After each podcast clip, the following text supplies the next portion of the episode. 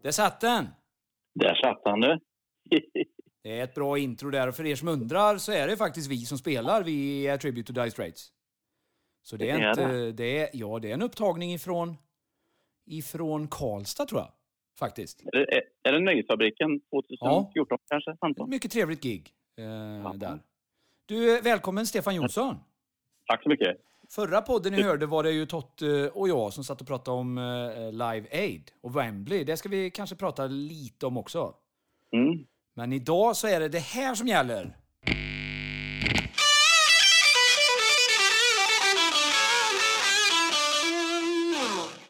Gitarr special. Var, var det du som spelade Ola? Ja, jag har övat en del. Jag har köpt en elgitarr på Clas Olsson med stärkare och plektrum. Ja, det är inte, inte sådana gitarrer vi ska prata om nu kanske. Nej, precis. Men alltså, det, vi måste bara ta här. Jag har ju en ny mixer, det var ju därför... Ja. Alltså, många av ni som lyssnar, vi är ju prylnördar va? Så om, om, om vi säger så här... Eh, kan vi inte bara testa att, så här, att du säger, vi ska ta ett skämt här. Eh, Ja. ja, då, då säger du så här, våran basist då. Säg så här, våran basist Jan-Erik älskar att köra truck på måndagmorgnar. Kan inte du säga det? Så, så, så vi Ja. gör det. Ja, kör. Våran basist älskar att köra truck på måndag morgnar. Va? Det, var kom den ifrån? Ja, det jag har såna pads här jag kan eh, trigga igång. Så, som till exempel eh, eh, om, om, liksom, om det är något skämt som inte blir bra, så här typ att eh, eh, ja, Totte liksom, Totte är lång. Så. Ja, det här är kul. Det är ju sånt som våran basist faktiskt Ja. har ibland. Så här. Det går inte riktigt, det är roliga skämt så, men Ja. de går inte riktigt ända fram. Nej, visst. Och sen, är det så här, när jag ringde Totte, när jag testa mixen så, ja det är Totte, så här, så här, ja det är Totte. Då Ja, det är Kungligt. vad fan är det som låter? Ja men det är ju en publik. Det är ju fan Wembley, 90 000 liksom. Ja. Ja, Du, den där måste du ta med ut på turné. Du Ja. måste bara. den ska vi köra live med på våra konserter. Så när, när Stories har sagt någonting roligt så, ja, it's funny to be here in Denmark or, or something. Så, så, så kommer den. Or something. Ja. ja, det är kul. Men du, Ja. eh, återigen till det som eh, gjorde att vi började med de här knapptryckningarna då. Vi ska Ja. ju alltså snacka om gitarrer idag. Mm. Vi, vi åker ju runt och spelar uh, Dire Straits, för de är våra idoler, framförallt Mark Knopfler. Eh, fråga ett. Vet man hur många gitarrer Mark Knopfler äger? Han har blivit en gitarrsamlare kan jag tala om för dig. Eh, Okej. Han var väl inte så, absolut inte sån från början. Han har verkligen samlat på sig ett, ett unikt, genuint instrument åt gången. Ja. Det är den bilden jag har fått av honom. ja. Jag har inte koll på hur många han har, men idag har han många. Liksom. Han är ju han är som ett barn fortfarande. Alltså, i-. Jag, jag såg en, En en, dokumentär på tv igår. Eller om, jag såg den på SVT Play, den, den ligger. Det är elgitarrens historia. De intervjuar bland annat han gitarristen i The Kinks som, som gjorde det här karaktäristiska, du vet, i You Really Got Me och, och, och sånt. Då funderar jag på, Mark Knopfler är ju givetvis med på bild, de intervjuar inte honom för han kom lite senare in i, de, de fokuserar sig väldigt mycket på 40, 50 och 60-talet. Ja, Eh. Men då tänkte jag på det. Alltså, en, så här, du vet ju historien med gitarr, med, misstänker jag, det är världens första elgitarr och att det var någon mer läppstill-liknande eh, sak egentligen. ja, ja, men det stämmer. Men är det så att, vem har den abs- finns det liksom någon som har den absolut första Gibson-gitarren eller Rickenbacker som äger en sån? Ja, det finns samlare i Sverige. Alltså, den första serietillverkade elgitarren, det var Fender Telecaster. Ja. Och jag, jag vet inte om det finns någon, eh, någon liten eh, grej där med att faktiskt just Rickenbacker hade någon prototyp innan. Jag, jag har hört det där, men den som satte igång tillverkningen var ju eh, Fender och deras Telecaster. Och det blir ju sånt perfekt. Det blir den perfekta gitarren med en gång, vilket Ja. är helt sjukt. Men grejen är den att det finns en kille 12 minuter från Mariestad som har flera stycken. Det är Kenneth Fors vi pratar om. Ja. Har han så gamla gitarrer alltså? För de måste ju vara värda liksom... Nej, det, är inte, värd- det går inte ens värdera.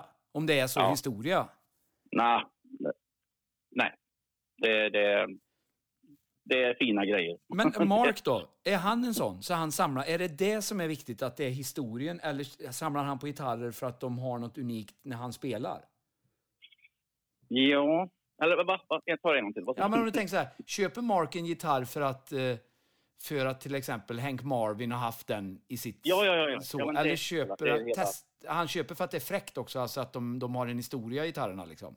Nej, men han var ju lika nördig. Alltså, som barn var ju han helt såld på gitarrer redan tidigt. Det har ju framgått tydligt i intervjuer och, och i dokumentärer. Och hans pappa köpte i Newcastle, han köpte hans första Höfner. Ja.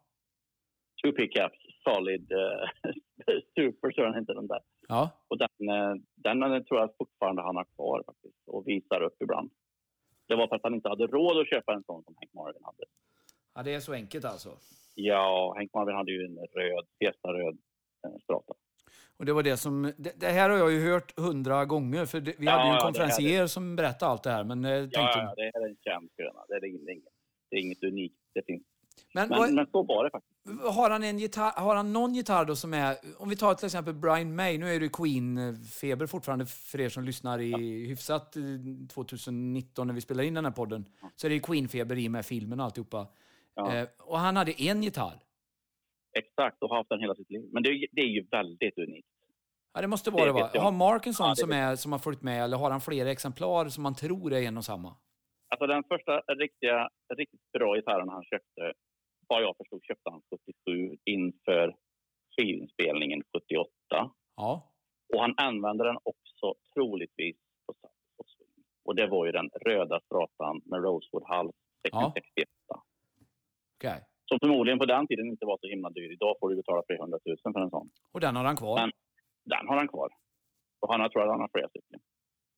Men det, det finns ju den gitarren. Och den, den åker han ju, den turnerar han ju med än idag. Liksom. Ja. Eller igen, vill jag påstå. När vi kollar, vi kollar Wembley här, då såg vi honom med en Gibson Les Paul. Ja. Alltså han har ju plockat på sig så jädra mycket gitarrer. Och Ja, jag, blev, jag hade inte tänkt på det. Jag har aldrig sett honom med en Gibson Les Paul, men det kanske är jättevanligt. Det är bara att jag inte har tänkt på det, för jag förknippar Gibson Les Paul med, med så mycket annan musik. Alltså Zeppelin eller om det är Guns N' Roses eller vad det kan vara. Så jag förknippar inte det med Knopfler, men det kanske är jättevanligt i hans uppsättning med en Les Paul. Det var egentligen inför, jag det var inför inspelningen med, på Man for Nothing. Som det var. Ja. Så man märkte att det stod en Marshall-förstärkare där och, där, och jag, testade min, jag testade min Gibson Les Paul. Ja. Och sen en wowa på det. det så hittade Whip så hade han ett helt nytt sound liksom. Ja, för den kör han ju på på Wembley, den Les Paulen där. eh, Och det det är ju väldigt, väldigt likt det gitarrsoundet. Som, så det måste ju vara, som du säger, att det är. Ja, Han- Däremot vet jag inte om det var hans, om det var hans 59 eller 58 som han spelade på på. Det koll på. Men han har i alla fall både 59 och 58 och även en signaturmodell som Gibson har släppt som är Ja. svindyr.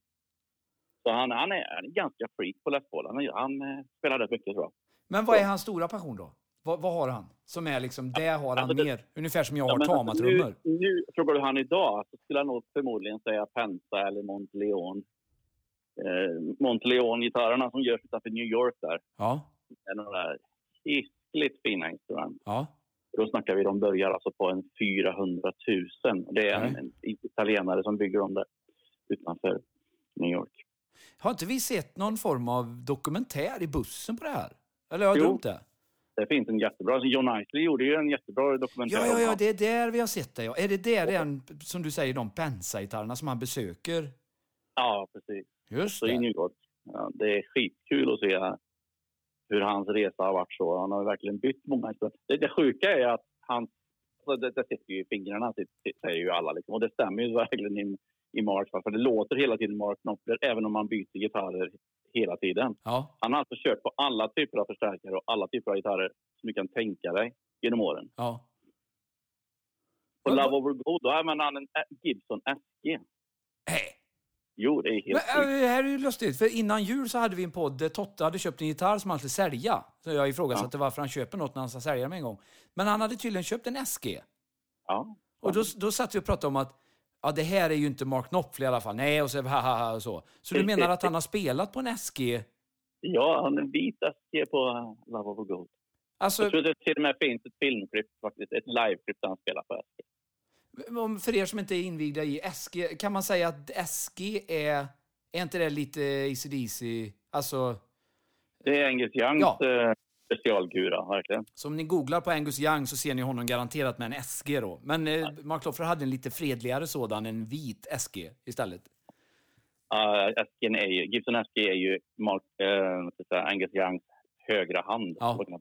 Precis. Ja. Eh, ja, precis. Det, det var ju lite nytt alltså. Det, det, hade jag, det visste jag inte, att det fanns SG. Men vad finns det mer då? Säg någon mer sån här eh, som chockar nu. Typ att, och så kör han ju på en Flying Wii, kommer du säga nu, på Brothers in. Arms. Nej, det, Nej, så långt nej. går vi inte. Ha, tror du han har en Ja. Flying Wii? På en fest så testade jag att spela Saltet och Swing på en Flying Wii. Ja. Jag vet, jag var Det, med. det, gi- det gick inte. Nej, jag har det på bild, jag har det på film. Det funkar ingenting. Alltså, Nej. Eh, du spelar jättebra, men det funkar inte med Dire Straits. Eh. Nej, det, var, det, var det blev väldigt fel där kände jag. Men tror du Mark, har- han måste ha testat att spela på en Flying Wii någon gång. Det måste han ha gjort bara för att skämta. Men han äger ingen. Finns det något klipp på det så måste jag få se det. För det Ja, han är nog ganska noga med att inget sånt eh, läcker ut. Men tror du han äger någon? det tror jag inte. Det är ju sån samlargrej sådär, men eh, nej, jag vet inte. Är det inte så att de är brutalt dyra om du ska ha en, en riktig Flying Wii? Alltså ingen kopia? Nej, alltså det finns, det verkar det finns det ju eh, för vettiga pengar. Alltså Ja. vanliga. så. Men så du har en 58 så får du punga upp miljontals kronor. Ja, jag, Alltså det originalet. var det inte så att det fanns en sån... Eller har jag drömt det igen? För jag gillar ju Flying Wii eftersom man växte upp med Judas Priest och det, Mm. Är Michael Schenker. När vi var på, i Umeå på ett gitarrmuseum. Hade inte Mm. de en Flying Wii, en sån gammal, som var värd hur mycket som helst där?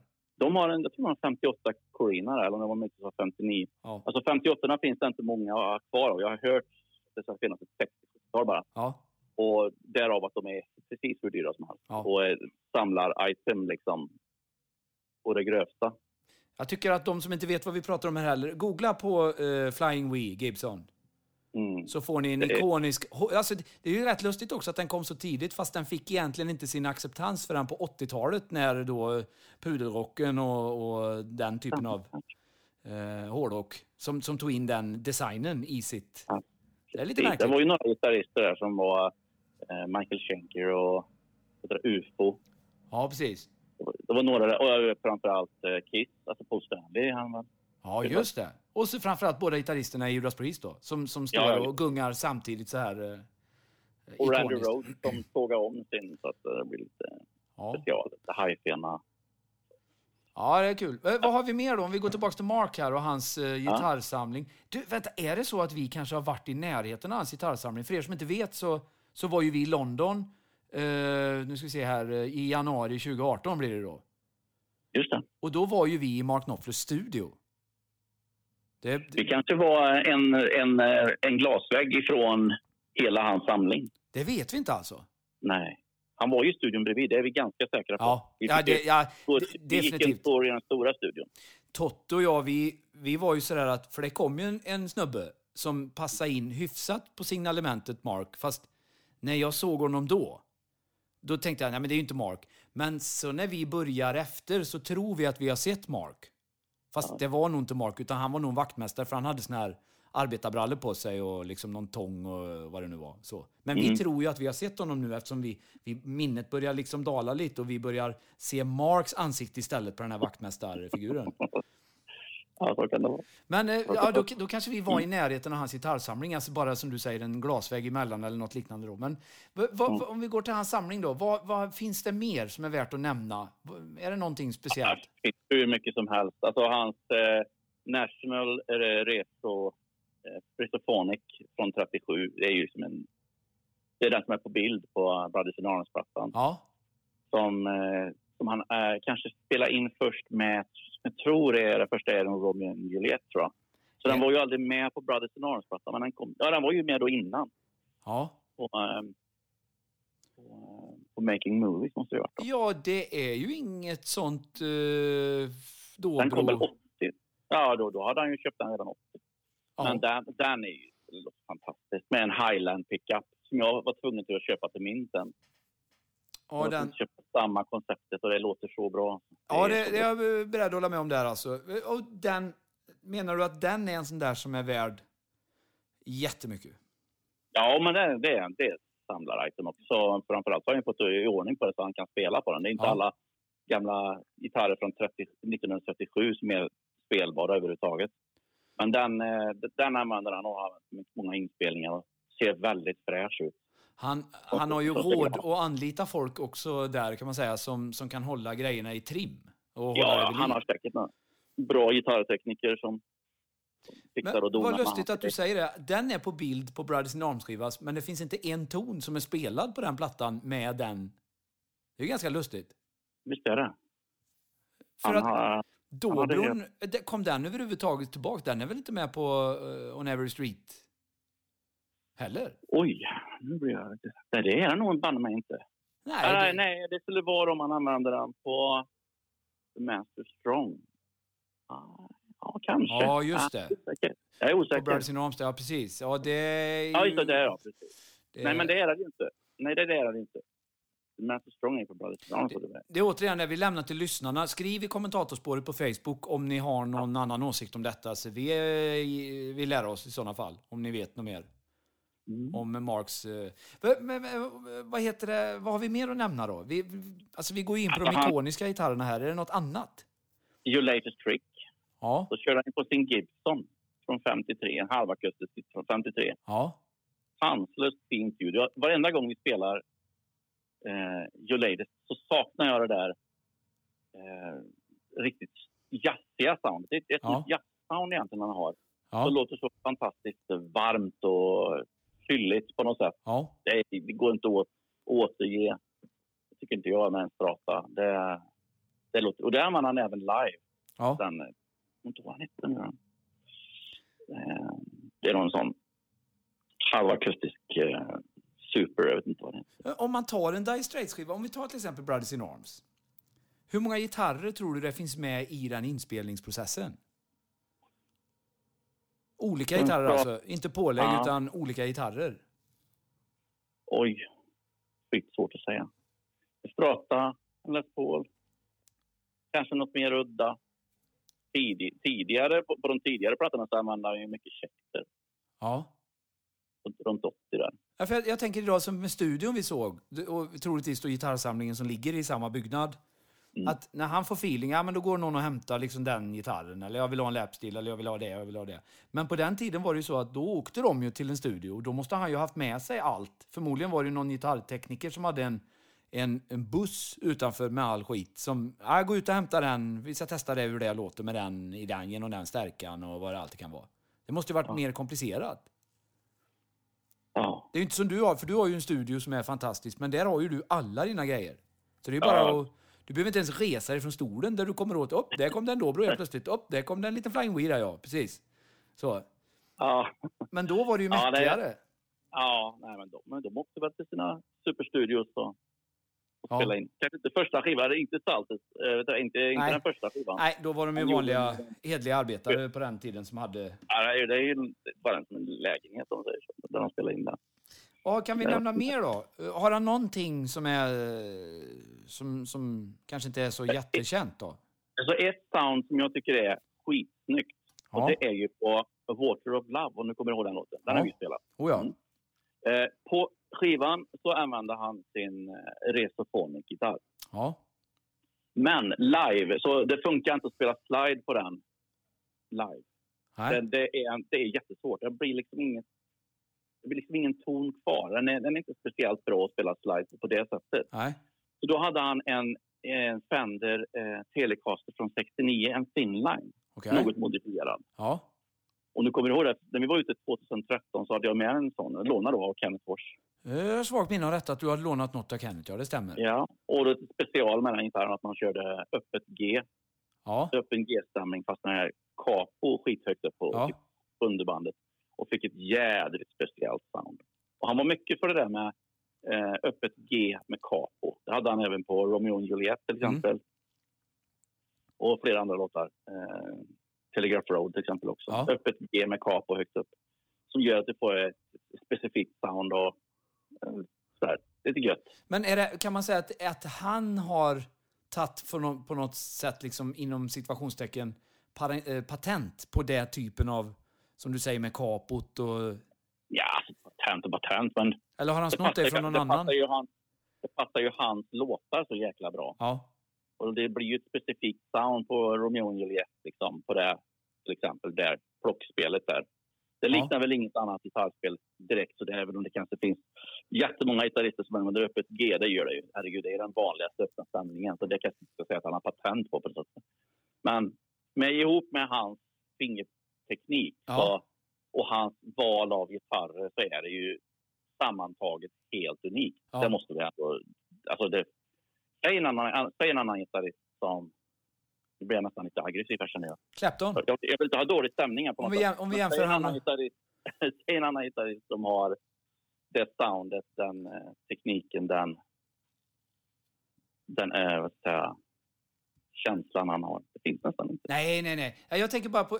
Jag är ju sån, och det vet du ibland när vi är lediga, så brukar jag skicka lite sms på fredag och lördagar när jag får feeling. Mm. Jag är ju i det segmentet där jag gillar Clapton, jag gillar Chris Rea, Gilmore. Mm. Eh, och de är ju ändå ganska snarlika. De, de är ungefär i samma ålders... Eh, de, de tar det lugnt, de har teknik, men de, de, de nyttjar det på så sofistikerat och snyggt sätt. Ja. Eh, och ibland så kan man... Jag kan ju tycka att de låter lite lika ibland då. På det. Fast för dig, samma- du tycker ju troligtvis att de låter totalt olika. Nej, men det är klart att de är förmodligen inspirerade av varandra. Men det som är, eh, det som är röd tråd bland alla som du nämnde nu, det är att de är unika låtskrivare och Ja. sångare. Ja. Och det är väl Precis. där det går isär. Alltså, så- sen baseras ju alla dessa gitarrister som du pratar om nu baseras lite grann på bluesen Ja, förstås. Precis. Speciellt eh, måste jag Gilmore och Clapton är egentligen, egentligen ganska lika. Ja. Men eh, det låter helt olika och de har använt det helt olika. Ja. Precis. Ja, det, ja, det är goa gubbar det där. Alltså, nu, när den här podden spelas in så är jul ett antal veckor bakom. Jag hörde den här just på julafton, vi stod och fixade i köket. Då var det den här eh, Driving Home for Christmas. Eh, det är en ton, solot. Och ändå är det ett bland de bättre gitarrsolorna jag vet. Ja. Då, då, En, av de, en av de få jullåtarna som man orkar höra två gånger. Ja, ja, precis. Exakt. Eh, sen har vi gjort oss lustiga över till exempel David Gilmores gitarr efter Comfortable Numb. Där när han är klar så funkar inte den gitarren längre för det. Han har krämat ur allt. Det är liksom... Man, Ah, så. Fick byta strängar i alla fall. Kan... Ja, precis. Men om man säger du har ju sett Knopfler några gånger. Eh, Räknade du hur många gitarrer han hade på scen vid de tillfällena? Ja, Olika? Ja, men grejen är, så här, grejen är så här, och det här förklarar han också i den här dokumentären som John Knightley gjorde. Ja. Eh, efter några år så, så var det så många gitarrbyten. Han hade ju Telecaster, han hade Stratocaster, han hade Les Paul. Ja. Eh, och ganska mycket byten. Och så var det ju så här att om man tittar på de nya, lite modernare gitarrbyggarna som Pensa och Sur och PRS och de här, Ja. så gör ju de gitarrer som är ett, som ett mellanting mellan Strata och Les Paul. Ja. Och det föll ju... Eh, då föll Mark för Pensa-gitarrerna. Ja. Och det var ganska tidigt, tidigt 80. Så redan... Och den har allt liksom? Eller mycket i alla fall? Ja, det är en, en strata med välvd kropp, mahogny och lönntopp. Ja. En, en välvd lönntopp är det på den, precis som Les Paulen har. Ja. Strata-mickar och så en väldigt massiv gitarr. Liksom. Ja. Fruktansvärt välbyggd. Och, eh, jag tror att han skaffade den någonstans i mitten på 80-talet och den använde han ju ganska mycket och använde fortfarande. När jag såg honom 2013 i alla fall så använde han den på Telegraph Road i alla fall. Och då är det ju så att han har... För han har ju inte 38 gitarrer på scen. Nej, han, hade ju, han köpte lite grann den för att den kunde göra jobbet. Ja. Eh, som, lite grann som Les Paul, lite grann som Strata. Lite grann. Men känns det inte då som gitarrist, alltså när man åker dit, att man vill se mycket grejer? Att vad fan, han hade ju bara en gitarr. Sen att han har spelat i två och en halv timme och spelat hur bra som helst. Men det är ändå, man vill även ha pryl, att man vill se en hel musikaffär på scen. Ja, men det hade han väl. För han hade så jäkla många olika akustiska gitarrer. Nu snackar vi ju 2013, det var ju hans soloparti, eller Ja. soloturné. Ja. Med, eh, det, det var alltså vilken skiva som var det som släpptes då, Tracker. Ja jag var är ju sämre på hans solo, det kan ju du mycket bättre. Ja, lite osäker. Privateering. Ja, nej, privateering var det. Privateering var det. Ja. Och jädrar vet du, vilken akustisk... Eh, alltså bandet med alla dessa olika akustiska instrument. Mandolin och tolvsträngat och sexsträngat och någon säckpip-liknande instrumentalist på scenen också. Ja. Så det var ju väldigt så, nästan celtisk blues-feeling. Och du kan tänka dig vad många olika akustiska instrument det Ja. fanns på scenen där. Liksom. Ja. Och då, han kör ju mycket droppat, D-dropp på sina Martin-gitarrer. Han är väl ett Martin-freak då. Jädrigt fina. Både D18 och D, HD40 och Ja. ja, många fina gitarrer. Ja, men då är det ju ändå...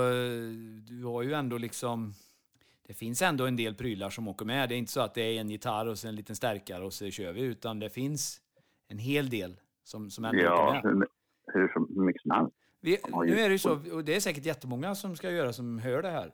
Han kommer ju nu då till Sverige i juni, så alla vet det, och åker och kollar. Ehm, då får vi Vi se om... om Göteborg. Ja, eh, jag vet att... eh, Ja, alltså grejen är så här att nu har det kommit upp då för Phil Collins, min gamla hjälte. Han åker ut och sitter på en stol på scen och sjunger. Och så spelar hans son, som är då 17, 18 någonting, som spelar exakt som sin pappa, eh, sitter i Ja. bandet. Och jag hade inte tänkt åka för jag vill inte komma ihåg Phil Collins som det. Men nu blev jag bjuden på detta eh, av eh, släkt och vänner här. Så att då åker vi Phil Collins. Så jag håller på att leta biljetter för han är dagen efter. Mark Knopfler har varit i Stockholm. Ah, Och rätta mig om jag har fel, ska inte du och Totte på Eagles som är dagen innan? det är väl tanken vi ska ha den åttonde, ja precis. Så det är ju riktig gubbvarning de tre dagarna i Stockholm kan man säga där. Ja, Så jag håller på att leta biljetter. Det är inte lätt för det är massa firmor som har köpt upp så de är mycket dyrare nu. Men vi håller på att leta till Mark Knopfler i Stockholm istället då. ja just det. Eh, Ja, det blir, det blir ju, det var meningen att vi skulle till Stockholm, men det blir Göteborg. Ja, okej. Ju- Ja, det kommer att bli hur bra som helst, det är jag övertygad om, på detta. Eh, Men när vi har gitarrspecialer då, eh, är det någonting mer av Marks gitarrsamling eller något material som är värt att nämna som folk kanske inte känner till om honom? Det finns hur mycket som helst. Hans samarbete med Chet Atkins. Ja, Eh, han gjorde en platta ihop med honom ja, eh, som var skitbra. ja. Och Chet Atkins var väl lite grann som en förebild för Mark, kan jag tänka mig. Han var ju så asstor på 50-60-talet. ja. Han var med i den gitarrdokumentären jag såg. Ja, just det. Precis. Ja. Det ledde ju till att, eh, att eh, Mark körde på eh, Private Investigation. Uh, Love Over Gold Tour, tror jag det var. Ja, Och på Private Investigation så körde Mark på en Atkins nylongura. ja, Det låter för jäkligt fett och är Ja. väldigt, väldigt bra för livebruk. okej. Där har du en sån här special. Ja, det är en liten kul... eh, som, Det är som en nylonplanka. ja, okej. Som en, eh, tjock som en elgitarr ungefär bara. Men hur... Är det någon som man använder live sen, efter? Ah, jag gjorde i Eller alla fall simulerar han det Den- ljudet med något annat då?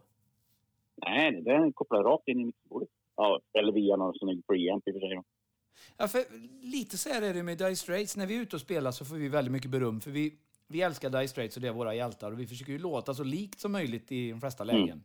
Mm. Men det som var grejen med Dire Straits, det är att de hade ju inte de... Att när de åkte ut på turné spelade de låtar, om det lät som det gjorde på skiva, det, det verkar som de sket fullständigt i det. Bara de hade kul på scen och att... Eh, Ja, de gjorde specialversionen live alltså, Ja. helt klart. Och då kanske inte var så noga med att hade han då spelat in gitarr på ett sätt i studion med någon specialplanka som man har fått lånat av någon. Då var inte det lika, nej men jag gör så här live, jag, jag testar att köra med den istället. Och då blev ju inte det soundet exakt eh, på samma sätt. Så måste det ha varit i många lägen. Studio är en sak och live är en sak. Det har Ja, vi ju lärt oss efter de här åren. Ja, men, jo, det är inte visst. alltid det liksom... Nej, det, det, precis. det, som, det som funkar att ta upp med en stormembransmick i studion funkar inte live, där du ska stå med allt ljud runt omkring. Du måste helt enkelt Nej, ha ett instrument som funkar bra för line. I det här fallet så, med Private Investigation så var det ju precis så. Ja, Jag för mig att han använde en Ovation, en sån här, deep, eh, sån här roundback Ovation när han spelade in eh, Private Investigation i studion. En sån som jag har faktiskt. ja. Och sen så live så funkar det inte med en sån för det blir liksom bara jättekonstig feedback i monitorer och sånt. Ja. Vad kör han? Vi, vi har ju kört Private Investigation till och från. Eh, och för er som vill höra den så kommer den tillbaka vid några tillfällen framöver, det vet vi inte. Men vad, den live-versionen som vi har plankat, den Mm. är väl ifrån sista live-turnén? Ja, Den är från, jag tror den är från Love of Gold. Jag är inte säker. Ja men alltså turné, det, det måste ju vara Ja, ifrån men eh, One Night Live, eller vad heter den sista där, eh, den turnén? On Every Street. eh, Ja, just det. Det är det från den, ja. Det kanske är. Ja. Vad har han för gitarr då? För det låter bra live. Jag tror att han har Chet Atkins där också. Live? Han har med sig den alltså ut? Chet Atkins-gitarren, ja. Ja, okej.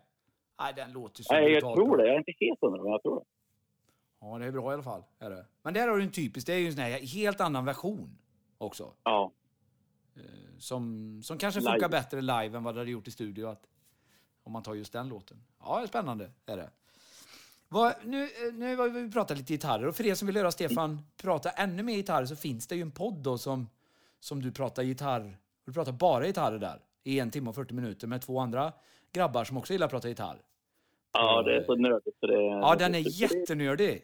Eh, Det är den Ja, Totte men och jag har skojat lite om att du, du pratar så mycket gitarr så du glömde av att nämna oss andra att vi fanns till och med där. Jag nämnde aldrig våran trubbis Ola Johansson. Nej, nej, aldrig namn, ingenting där. Vi Jag har bara... skitdåligt, Ja. samvete för det faktiskt. Men eh, lyssna på den gitarren för er som vill ha mer gitarrsnack eh, och mindre känslor. Ja, jag pratar faktiskt väldigt mycket to Dire Straits. Ja, det, Ja, det gör du i och för sig. fokus. Fast Det du nämner ingen... Ja, ja, det är det. Det är sant. Det är det. Jag det... nämner inte band, bandmedlemmarna. Nej, nej. Och vi har, vi har pratat igenom det här nu så det är lugnt i alla fall eh, tills vidare här. Vi, vi, vi, vi, eh, vi slätar över det på nästa turné. Avslöjande.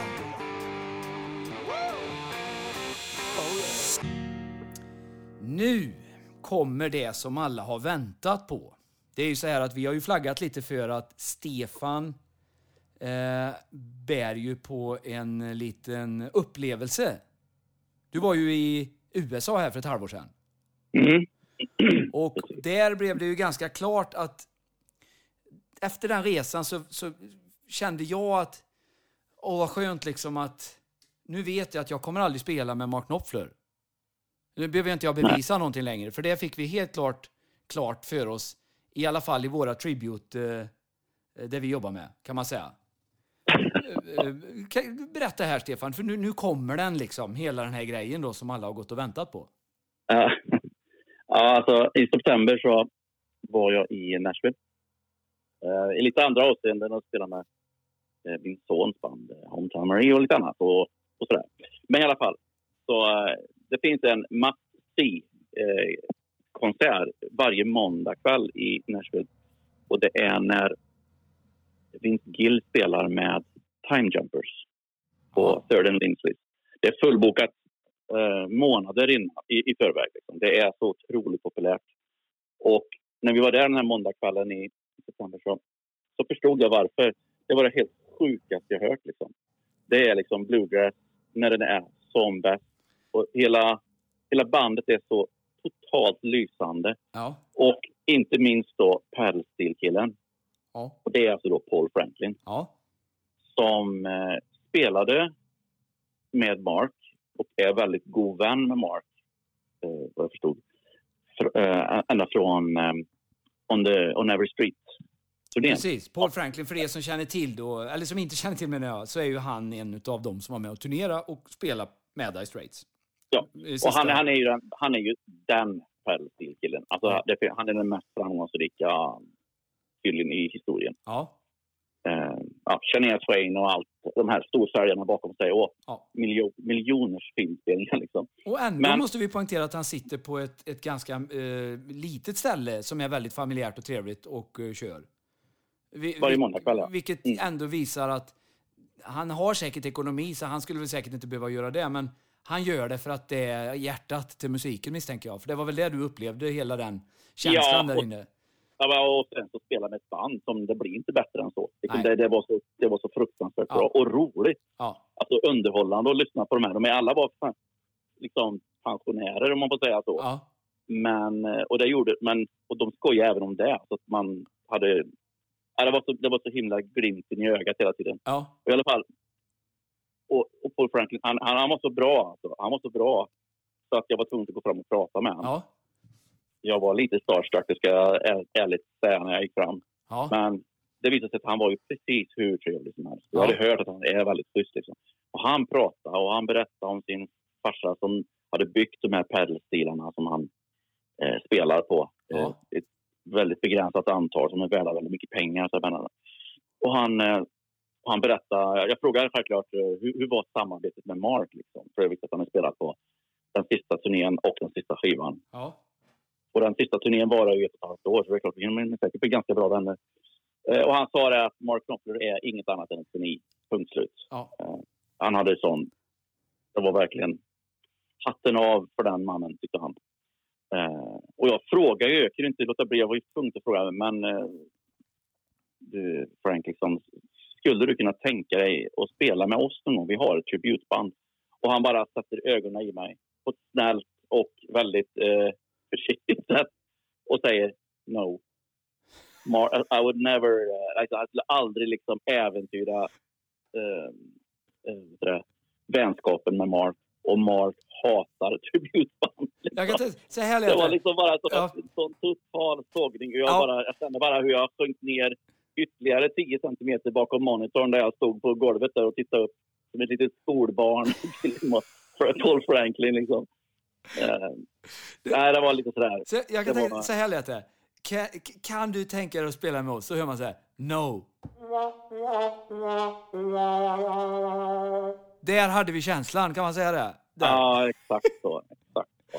Ja. Ja, det, var, det var liksom så bara... Det var, det var verkligen ingen diskussion där. Ja, förmodligen har han fått frågan hundra gånger. ja, och Mark är ju då, det vi vet då att han gillar inte Tribute.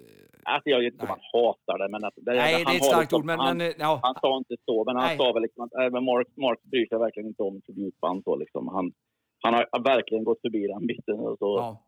bryr sig om sitt eget nya solo. Det, däremot så kan vi ju, nu var det ju en ganska stor grej. Det här är ju jättestort egentligen att du har träffat eh, honom, att vi har fått reda lite på vad Mark tycker om, om oss som åker runt och eh, hyllar hela... Eh, sen är han säkert stolt så att folk gör det, men om vi tar de Ja. andra medlemmarna, om vi tar John Easley har vi ju bevisligen sett i, på eh, diverse YouTube-klipp där han faktiskt spelar tribute till, till sin egen... Ja, det är väl... Och, Ja, och några andra också. Ja, Pick Withers, trummisen där, den första trummisen som, som är så bra. Han har jag sett spela, det är lite lustigt för jag såg honom på en YouTube-konsert. Där är han med och spelar med ett tributeband ända fram till de börjar köra låtar ifrån Brothers in Arms. För det är, det är en annan trummis som hoppar in och spelar. Jaha. Så han håller nog stoltheten så att han spelar bara det han själv var med på och inget mer. Tror jag. Okej. Ja. Och sen vet vi att vi har ju, vad ska man säga då, kollegor i, i England som åker runt som, som, eh, som har varit med som turné, turnerande musiker. Några av dem ju Mm. tribute eh, på Mark. Eh, och även Ja, han. Clark heter han väl, pianisten. Alan Clark. Ellen Klockan. Han har väl något som heter The Straits eller något sånt där med, med bra Just. folk. Som, som gör lite spelningar då och då. Så att, men Mark själv då, eh, som sagt, verkar ju inte Nej. vara så Alltså det, är, det är ju ändå en 10-15 minst musiker som har varit med i det riktiga Dire Straits. Och den Ja. här England är inte så himla stort. Nej, Så att, att de spelar ihop ibland, det vore är det inte konstigt. Och att de drar en, någon turné med Dire Straits-låtar är heller inte konstigt. Kan man ju tycka. Det, han var, Mark, jag vi, jag frågade om vi har pratat om det tidigare, men jag såg det här uh, Rock and Roll Hall of Fame när Dire Straits valdes in. Det var ju inte Mark med ens där. Var han ju inte. Nej, jag vet inte varför. Men han Nej, det var lite konstigt. Och då, då avslutar de hela, och det är väl för att de vill kittla lite Dire Straits, eh, för det är ju ändå lite Dire Straits-feber ändå, att då säger, är det John Easley som säger att det kan hända att vi är intresserade av, eller att vi kanske kommer att spela lite framöver. Och, och så liksom, precis som att de vill inviga folk i att det, det är inte kört än, vilket jag tror att det är tvärkört. Men, men alltså, de ger det ändå lite hopp på något sätt. Ja. Så att, ja. Ja. det är spännande är det. Men då har vi ju fått den här eh, så kallade liksom stora grejen nu då. Så nu vet ni alla att eh, Mark Knopfler, eh, så länge vi jobbar med Tribute så lär inte våra vägar korsas så. Det är väl inte jättetroligt. Eh, Jag tror den- inte han skulle springa benen av sig. Även om vi skulle komma till England och spela Nej. så Nej, Jag tror inte han skulle spela, springa benen av sig för att nej. lyssna på ett svenskt tributband som Och det kanske är... svensk brytning eh, försöker skildra hans texter. Inte. Nej, och sen är det väl också, det kanske bara är bra för då blir han ju den här myten som vi faktiskt vill att han ska vara. Ja, För det, det vore ju inte lika kul om vi helt plötsligt träffade honom i Tottes kök. Då är det Nej. inte lika stort längre. ja i och liksom. för sig, jag skulle inte ha någonting emot det. Jag skulle Nej, kunna kunna prata om allting annat. Jag skulle kunna prata gitarrer med honom. Ja. Det skulle ju vara helt fantastiskt. Ja. Jag menar, den mannen har ju gjort såna... Alltså han har ju ett helt liv av spännande gitarrhistoria bakom Ja, sig. det är sant. Det skulle, det skulle jag vilja prata Ja, om. och sen hade vi ändå räddat honom för han hade ju... Om vi hade träffat honom i Tottes kök betyder det att han har varit själv med Totte en stund. Så då har han Mm. inte förstått ändå vad Totte har sagt, så han kanske tycker det är skönt att det kommer någon som pratar lite tydligare än vad Totte gör, så han kan kommunicera. Då hade han kanske frågat oss, den, den där andra killen. Vad Ja, han i hatten där. Vad sa han egentligen? vad vill han? ja, men då Nej. vet vi ju det i alla fall. Gör vi. Ja. Men det finns, det finns otroligt mycket mer att prata om Ja. Jag är lite, lite nörd, men jag är inte så Ska vi, ska vi avsluta hela den här med att säga att det var del ett av Gitarr special? Att det kommer Kanske. en eh, del två framöver? Gör det? Ja, det kan jag göra. Så gör vi, så har ni det. Och, och sen, vi kanske inte har något så smaskigt avslöjande framöver om det inte då skulle hända någonting. Men vi, vi har andra roliga grejer att berätta. Så att vi, vi, eh, vi säger väl så här att vi är klara för idag helt enkelt. Är vi. Ja. Vi har ju faktiskt en, en rolig sak framför oss som jag tycker att eh, den som är intresserad ska hänga på. Och det är ju vår Hollandsresa som vi ska göra i mars. Ja. Det blir ju väldigt speciellt. Det, har varit, det är tredje gången vi kommer till Ja. samma ställe i Holland och det har varit otroligt roligt och mycket folk och Det stämmer. eh, och för holländska Dire Straits-nördar. Ja, och uh, Dire Straits verkar ju varit väldigt, väldigt populära i Holland. För att de gillar oss och de, de, det verkar vara... De kan allt om Dire Straits. Vi spelade på en festival Verkligen. där för några år sedan där det var jättemycket folk och då gick man nästan i tron om att de måste ju tro att vi är Dire Straits. Alltså det var nästan så. Ja, de, är, de är väldigt musikintresserade Ja. där nere. Jag Holländarna är bra folk. Det- Mycket bra folk. Ja. Eh, Och där nere kommer vi ju då, för er som undrar, vi har bestämt oss för att spela in en liveplatta. Mer kanske vi inte ska avslöja om detta nu, men jag vet att många har efterfrågat en, en, eh, en skiva med oss då. Vi har tänkt att göra en live in Holland. Det blir väldigt, väldigt spännande. Och jag Ja. ska berätta precis hur den kommer gå till. Vi har en spelning. Ja, Vi kommer banda en spelning. ja, Och vi kommer inte göra några editeringar. Nej. Vi kommer släppa den som den är. Det kommer bli så live och ärligt och rakt ja, ut. det blir det. Och vi ska trycka den så att den finns att eh, eh, köpa hos oss. Ja, på våra spelningar Eh, det kommer bli då. jädrigt coolt att vi gör så himla live. Ja, Och, och inte mixtrar med den för mycket. Utan det ska bara verkligen låta som vi låter. ja, det kommer det att göra. Och, och sen, för er som undrar hur, vad det är för ställe så kommer jag på nu, det finns faktiskt, när du går in på vår YouTube-kanal så har vi en svartvit video som vi gjorde därifrån, från just det stället. Och det, det är liksom en idrottshall som är ganska klubbkänsla på, så det är väldigt kul att spela för det, det är liksom det är liksom lite partystämning också. Så att jag är övertygad om att vi kommer göra ett mycket, mycket bra... Det gör vi ju jämt när vi spelar. Det är ju målsättningen. Men där nere är det liksom lite partajkänsla. Så det kommer bli en väldigt, väldigt trevlig intim spelning som ni får eh, direkt i era hörlurar sen framöver. Kommer det bli. Mm. Eh, och sen om ni vill så kan vi säkert ta med någon, något mellansnack. Då står det sig tvungen att prata på engelska där om ni är intresserade. Så kan vi nog Ja, det måste, måste vi ha med det kan gå skivan. som ha med bonusmaterial. När han skämtar på engelska där så, så kan det gå som bonusmaterial. Så, som Ja, då har du den här samplingen som vi får lägga in där. Ja, den kommer vi lägga hela tiden där. Ja, men Ja. du Stefan, eh, du ska återgå till ditt studioarbete och sådär. Eh, Mm. Så hörs vi snart igen med en ny podd. Så får vi se vad det blir för eh, ämne då helt enkelt. Ja, jag tycker vi ska snacka om de här gitarrerna som är lite udda som, eh, som Mark hade ju byggt om för vissa tillfällen Ja. och de var lite, inte helt original och det finns några lite så här mytomspunna gitarrer. Precis. Men eh, Mm. vi, vi säger adjö så länge helt enkelt. Så får du ha det, Det så bra och alla ni andra där. Ha en bra dag alla! Samma. Hej! Hej.